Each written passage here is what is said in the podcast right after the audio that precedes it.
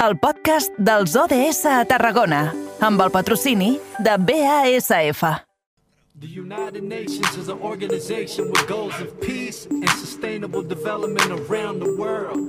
Their mission is huge, but we're breaking it down in two minutes. 17 sustainable Són les 6 i 6, hora perfecta, hora acabada meravella per aturar-nos als estudis de BXC Ràdio. Allí tenim el nostre company Eric Rosique. Eric, bona tarda, bon dilluns. Molt bona tarda, Edu, molt bon dilluns.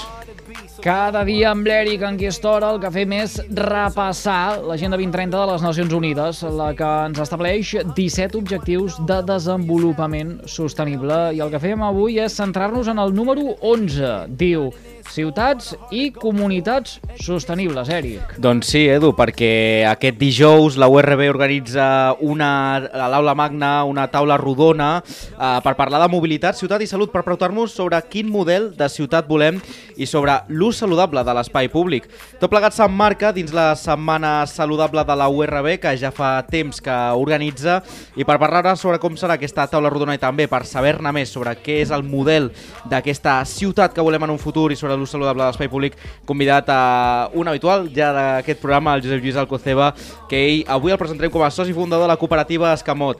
Josep Lluís, molt bona tarda, benvingut a l'espai dels ODS, de la ràdio de la xarxa del Camp de Tarragona. Bona tarda, Eric. Bona tarda, Eduard.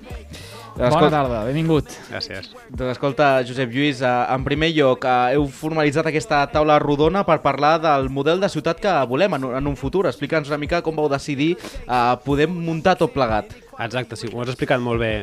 Cada, al voltant del, del 7 d'abril, que és el Dia Mundial de la Salut, en diferents universitats que formen part de la xarxa saludable interuni- interuniversitària a Catalunya decideixen com enfocar l'àmbit de la salut. Si l'any passat, per exemple, la URB va decidir que ho faríem des de l'alimentació, aquest any han decidit que ho farien parlant de mobilitat i, i, i ciutat.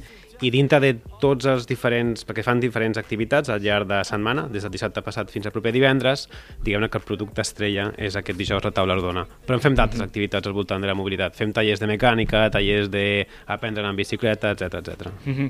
Josep Lluís, heu convidat a, a molts experts, a l'Anna Puig, per exemple, la investigadora d'activitat física Correcte. de la UBIC, la coordinadora, eh, de fet, les a diferents associacions de Tarragona, com és el Tacletes o el Bicicamp. Vaja, eh, també un plat rodó no, d'aquesta tarda en què s'hi debatran aquests, aquests temes i en el que heu convidat a investigadors de, de tot el territori també per debatre'n. Exacte, és a dir, eh, nosaltres, eh, lluny de eh, voler mm, proposar un guió, un guió molt tancat i que podia potser limitar l'expertesa amb la qual venia cadascuna de les, de les, de les ponents, el que hem fet és mullar-nos una mica amb qui invitem i que siguin elles, sense guió, que ens facin propostes d'aquest model de ciutat que parlem.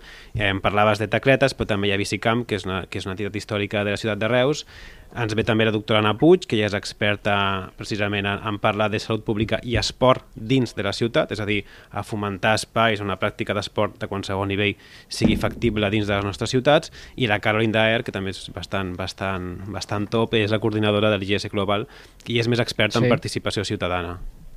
Mm. Josep Lluís, escolta, eh, i així a grans trets, eh, Sí. vosaltres que eh, treballeu o que eh, establiu aquests contactes eh, precisament per eh, encarar tota aquesta temàtica, qui, quina és la ciutat del futur que majoritàriament vol la gent? Ho dic perquè això de vegades també porta controvèrsia o estires i arronsa. Eh, uns que defensen el carril bici, uns altres que no, que volen tot el contrari, voreres més amples, més places d'aparcament, eh, mm, eh, no sé, pàrquings dissuasoris... Eh, Uh, uh, això és molt complicat. Però com, ens hem com ens hem d'imaginar les ciutats del futur?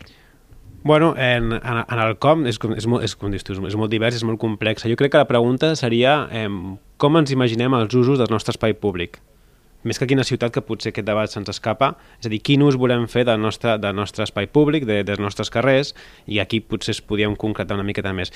I és molt, és molt complicat perquè a vegades, quan parlem precisament de l'objectiu 11 o del 3, que és més concret de, de salut, eh, tendim a marcar uns indicadors i uns mecanismes que són ja per curar un problema, no? de, de, de, ficar eh, solucions a un problema ja resolt, ha un problema damunt una taula. En canvi, tot el que és eh, aquesta salut preventiva, és a dir, evidentment, fomentar una ciutat on tu puguis fer esport al carrer, on puguis arribar en bicicleta o caminant al teu espai de treball, té unes, té una, té unes bondats que potser poden allunyar segons quins problemes que, de salut que després sempre anem actuant, eh, diguem-ne, posteriorment o en conseqüència.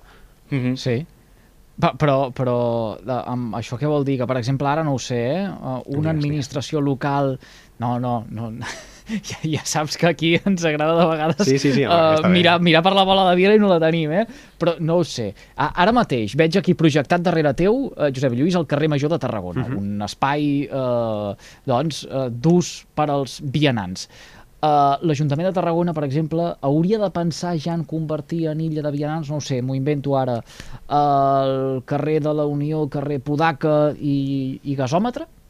Eh, Seria això? És a dir, pensar abans no eh, haguem de diagnosticar un problema? Bueno, eh, sí, ho has dit bastant, bastant bé, bueno, és la meva opinió també, però sí, sí, precisament en aquells carrers on hi ha un problema evident de congestió de, de tràfic, eh, facilitar... Eh, és a dir, deixar d'entendre que els carrils bici o els espais on, on poder, o poder caminar per avingudes amples únicament siguin contemplats des de, la- des de l'àmbit lúdic. És a dir, tothom explica les bondats que té el passeig marítim o el passeig que hi ha costat del Miracle, però és evident que no és, no és, no és, un, no és un carrer o un carril que utilitzem al nostre dia a dia. Sí que l'utilitzem per una activitat molt concreta que és anar a passejar, anar a al·ludir-se, anar a fer esport i prou. Però, en canvi, al centre de la ciutat continuem, continuem arrastrant els mateixos problemes. I per anar a Tarragona, però estic segur que si parléssim d'altres ciutats del camp, ens trobaríem el mateix. Per tant, és facilitar eh, tant la participació ciutadana com el poder desplaçar-nos en qualsevol de les propostes, també en cotxe privat, però també les altres opcions en el nostre dia a dia. I el carrer Ah, Unió entenc l'has que identificat molt bé, sí. Ah, i, i, en- I entenc que aquí juguen un paper molt a favor les zones de baixes emissions. Per exemple, clar, aquí són, in- són indicadors que t'estan dient si estàs o no eh, pel bon camí i que també et, et serveixen per assenyalar doncs, una problemàtica molt, molt concreta. Mm -hmm.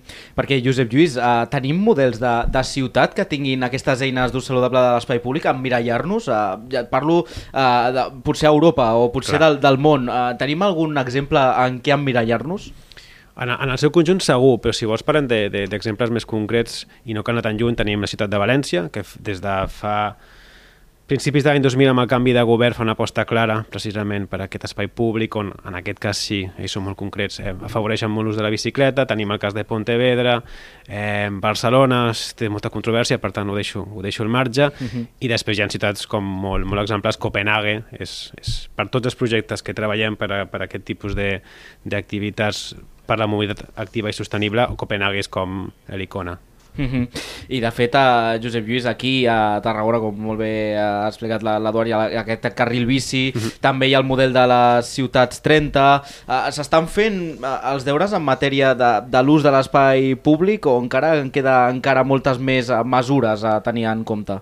Queden, queden moltes més mesures i, i l'Eduard ho identificava molt bé. Eh, es genera molta controvèrsia, no? El, el carril bici que s'ha ficat a l'avinguda Marquès de Montoliu, si féssim ara una enquesta sobre els, eh, de, de què opinen els veïns, avui segur que és una opinió molt diferent de la que potser hi ha d'aquí 15 o 20 anys. I és el de sempre. Eh, tendim a identificar els problemes o les bondats de la salut des de l'ús propi, en el dia a dia. A mi m'afecta així o això. Però, en canvi, les externalitats que genera el fet de que, per exemple, el col·legi que hi ha és el Salat Cor, eh, amb aquells embusos que es generaven en el seu moment, eh, identificar només com a veí i, i, i en, en com afecta a mi el meu dia, el meu dia a dia té un tipus d'anàlisi entendre les, les bondats i les externalitats positives que té pel conjunt de la ciutat té unes altres. Per tant, és molt complexa perquè la, les, els resultats sempre són a mig i llarg termini i mm -hmm. no tendim a pensar en aquest, en aquest horitzó. Mm -hmm. I sobretot eh, se'm venen al cap moltes de les mesures no, que es fan, el tema de el, el lloguer dels patiners elèctrics, però hi ha altres ciutats també de, de Catalunya que aposten també pel, pel lloguer de les bicicletes, que per exemple aquí al camp eh, no tenim algun exemple concret, de fet també es vol apostar per aquests eh, autobusos d'hidrogen verd també, eh, vaja, mm, una mica com serà aquesta mobilitat eh, sostenible, si s'han de fer tot aquest tipus d'eines no, per escollir i per fer-ho de manera sostenible. Bueno, són, són exemples, també caldrà veure si aquestes iniciatives tenen un, ús, un origen privat o un origen, un origen públic, qui s'encarrega darrere. Pensem moltes vegades que el transport públic, per definició, per ficar un altre, un altre, un altre exemple, eh, i per definició és deficitari, i tot i així, eh, quina aposta hem de fer per aquest transport públic? Tenim exemples molt concrets d'un estudi que hem publicat recentment on eh, la freqüència de trens que anaven de Tarragona cap a Terres de l'Ebre ha baixat -huh. I això segur que si preguntes a l'administrador dirà, bueno, és que l'ús era inferior. Context Covid, la gent té por a viatjar amb un, amb un transport tancat, per tant deixem d'utilitzar-lo i quan veiem això baixem la freqüència de serveis. Si tu ofereixes un pitjor servei, segur, segur que a la llarga la gent optarà per altres alternatives com el, els desplaçaments privats en cotxe privat. Per tant, eh, cal saber quin és l'origen, qui, qui hi ha darrere de cadascuna d'aquestes iniciatives i quina aposta fem, tant com a administració com per ciutadania. No? Mm -hmm. Com rebem les apostes més o menys encertades de col·locar diferents carrils bicis a la ciutat mm -hmm. o les propostes que tu, que tu deies. El que passa és que tinc la sensació de que ens costa que ens ho creguem nosaltres mateixos, com a, com a, a ciutadans, i, i aquest és el gran escull que l'administració haurà de superar i entenc que és molt difícil perquè per moltes bones intencions o per molts fons Next Generation que rebin o per uh, molts avisos, sense anar més lluny avui ara aquest uh, migdia no? uh, l'ONU que uh, ha fixat el 2025 com a límit per evitar la catàstrofe climàtica uh, i, i uh, deia textualment és ara uh, o mai, per molt que ens arribi això, si no ens ho creiem nosaltres mateixos poca aquí, cosa a fer. Clar, aquí, però aquí potser la pregunta és què, què ha de passar perquè ens ho creiem, no? Fins que no ho aterrem en algo concret, en algo tangible, eh, costarà.